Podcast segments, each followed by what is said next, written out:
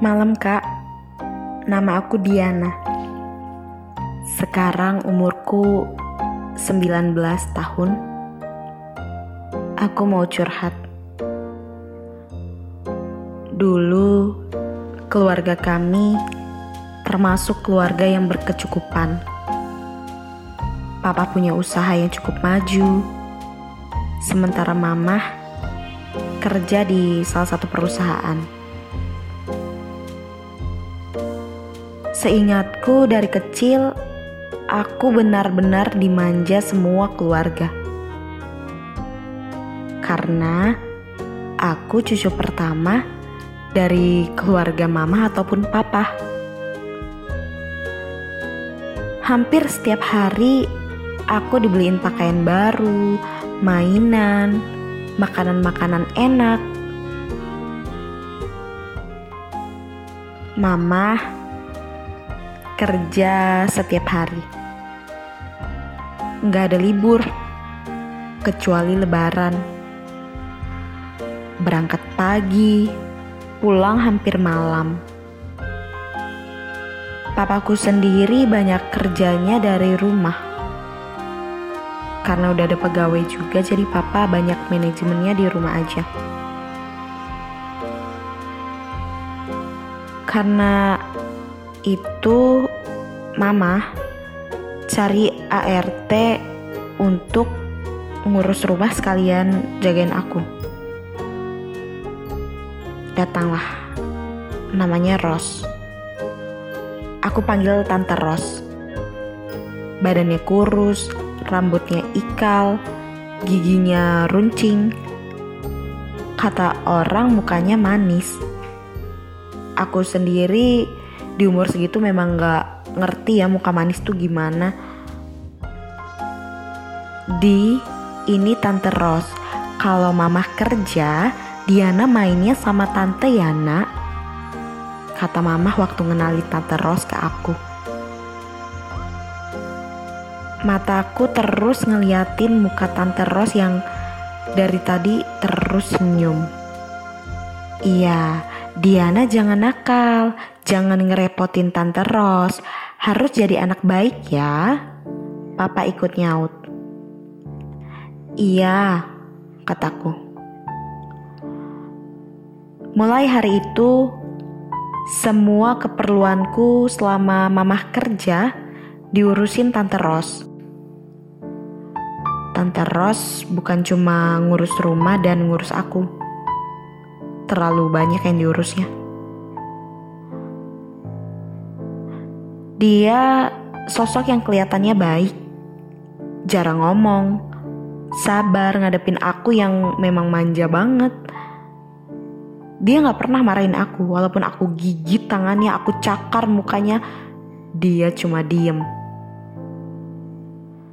Kadang papa yang harus belain Tante Ros kalau aku mulai keterlaluan. Di, kok gitu sama tantenya? Minta maaf. Papa marahin aku. Gak mau, Tante Rosnya maksa Diana makan. Diana kan gak suka sayur, pah. Aku mulai ngambek. Ya udah, kalau nggak mau makan di rumah, nanti kita cari makan di luar. Sekarang minta maaf dulu sama Tante Ros.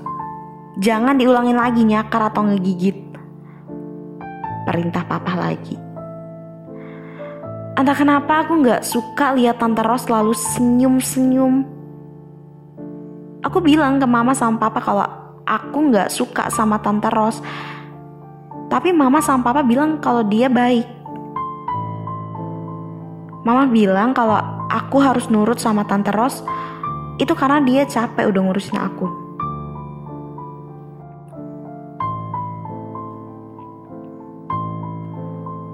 Selama kerja di rumah kami, tante itu gak pernah nangis. Walau aku gigit berkali-kali, dia gak pernah nangis. Tapi ada satu kejadian yang bikin dia nangis. Aku kan anak satu-satunya ya, makanya mama sama papa tuh majain aku banget. Makananku dijaga, mungkin karena terlalu dijaga kesehatanku malah jadi sensitif. Jadi waktu itu Tante Ros kasih aku makan semangka, es sama sayur yang pedes. Entah gara-gara itu atau apa perutku yang sakit, pokoknya aku tuh yang langsung demam, sakit, sakit banget perutnya. Papa langsung panik bawa aku ke klinik terdekat. Mama belum pulang kerja. Dari dalam ruangan klinik aku lihat papa marahin tante Ros. Aku lihat dia nangis sampai sugrukan gitu. Tapi badanku terlalu lemas buat denger apa yang papa bilang ke dia. Pokoknya aku cuma ngeliat gestur mereka ya kayak uh, seseorang yang lagi marahin orang gitu. Dan orang itu nangis. Besoknya, aku udah boleh pulang ke rumah. Mama izin kerja buat nemenin aku. Seharian aku main sama mama sama papa, seneng banget. Tante Ros ya kayak biasa cuma diem aja ditambah abis kena marah papa kelihatannya dia makin diem. Sesekali aku lihat uh, dia kayak pucet kayak orang sakit lemes tapi ya aku kira dia capek karena beres-beres rumah mungkin sorenya mama pamit belanja ke warung depan karena aku belum benar-benar sehat mama nggak izinin aku ikut padahal aku pengen banget ikut ke warung dari siang aku memang gak terlalu peduliin si tanteku ini ya. Kalau biasanya aku teriak-teriak, cari dia kalau butuh sesuatu. Tapi karena ada mama ya aku ngerasa gak perlu. Nah, Tante Ros gak ada di ruang tengah. Di kamar juga gak ada. Padahal aku mau dibuatin teh. Papa juga nggak ada. Biasanya papa ngasih makan ikan di kolam belakang. Aku ke kolam cari papa. Nggak ada. Aku ke kamar mandi. Gak ada juga. Aku cari di gudang belakang. Ada. Papa. Tapi sama Tante Ros.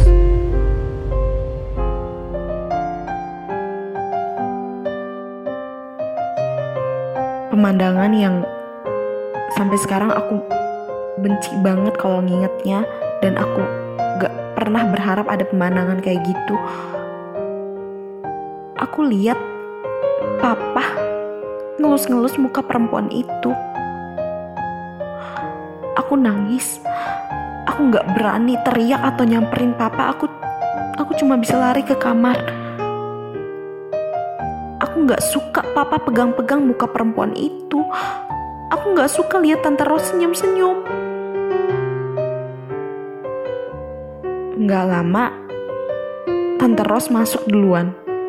Dia lihat aku nangis, terus tanya, Diana kenapa? Kok nangis? Aku nggak jawab. Perempuan itu manggil papa. Mungkin dia takut aku sakit lagi Papa masuk juga. Aku benci banget lihat papa. Dia pegang papa aja aku benci. Aku benci lihat papa sama perempuan itu. Aku gak cerita ke siapa pun apa yang aku lihat. Tapi aku malah takut sama papa, sama perempuan itu juga.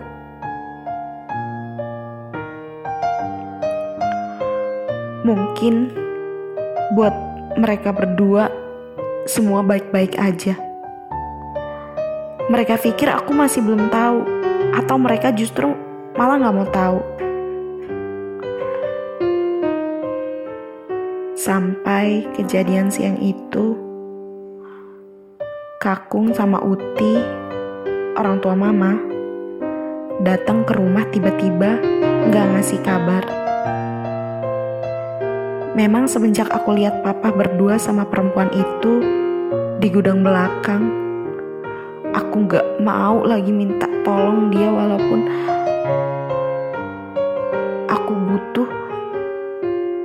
kecuali kepepet. Ya jadi dia gak terlalu repot lah Assalamualaikum Diana. Suara kakung Uti barengan ngucap salam. Waalaikumsalam Akung Uti. Aku langsung lari meluk mereka. Kok Diana sendirian? Papa mana? Kakung heran lihat papa gak ada Iya, papa gak ada Perempuan itu juga gak ada karena penasaran, Kakung cari papa ke kolam belakang. Aku mulai takut. Aku takut Kakung lihat papa sama tante Ros. Aku belum berani ada keributan, aku belum berani semuanya berantakan walaupun aku berharap suatu saat mereka ketahuan Aku gak berani ikut cari papa. Aku nemuin mereka di gudang belakang. Aku benci papa. Aku benci perempuan itu yang senyum-senyum. Sekarang aku gak lagi lihat senyum orang itu. Sekarang aku gak akan cari papa sampai gudang belakang. Sekarang aku sama mama punya rumah baru, bukan dengan papa. Mungkin setelah ini kalian pikir, sebegitu mudahnya kak papa ninggalin kita.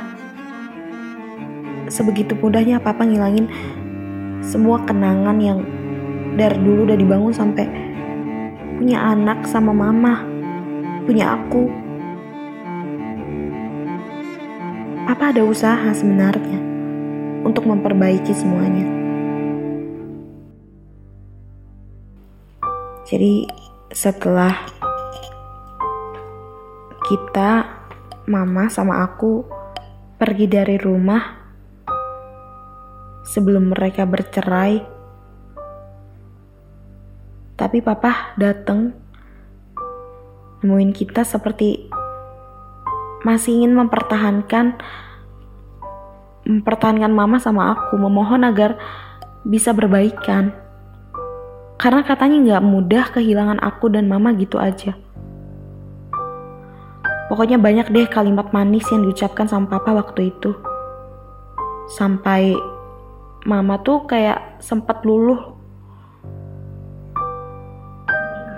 dan sempat mau maafin papa dan ngasih kesempatan. Entah karena mandang aku atau seperti apa mama. Mama hebat banget. Terus besoknya, besok-besoknya mama sama aku kira papa yang datang lagi tapi yang datang malah tante Ros dengan keadaan menangis dan menunjukkan bahwa dirinya tengah berbadan dua.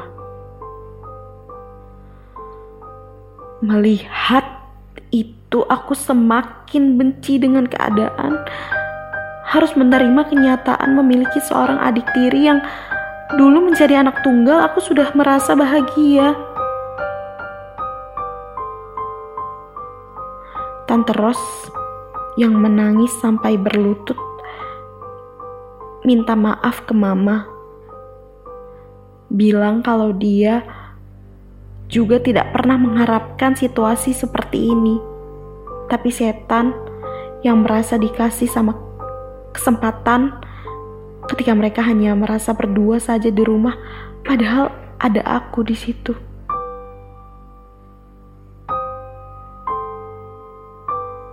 Lalu Tante Ros memohon ke Mama untuk tidak menjauhkan anak yang ada di kandungannya dari ayahnya.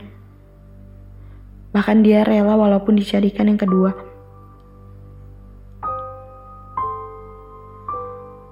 Tapi mamaku belum sekuat istri Nabi yang bisa berbagi rasa cinta dan juga sayang. Berbagi suami. Mama memilih mundur dengan menciptakan kebahagiaan yang hanya aku dan mama untuk kami berdua saja.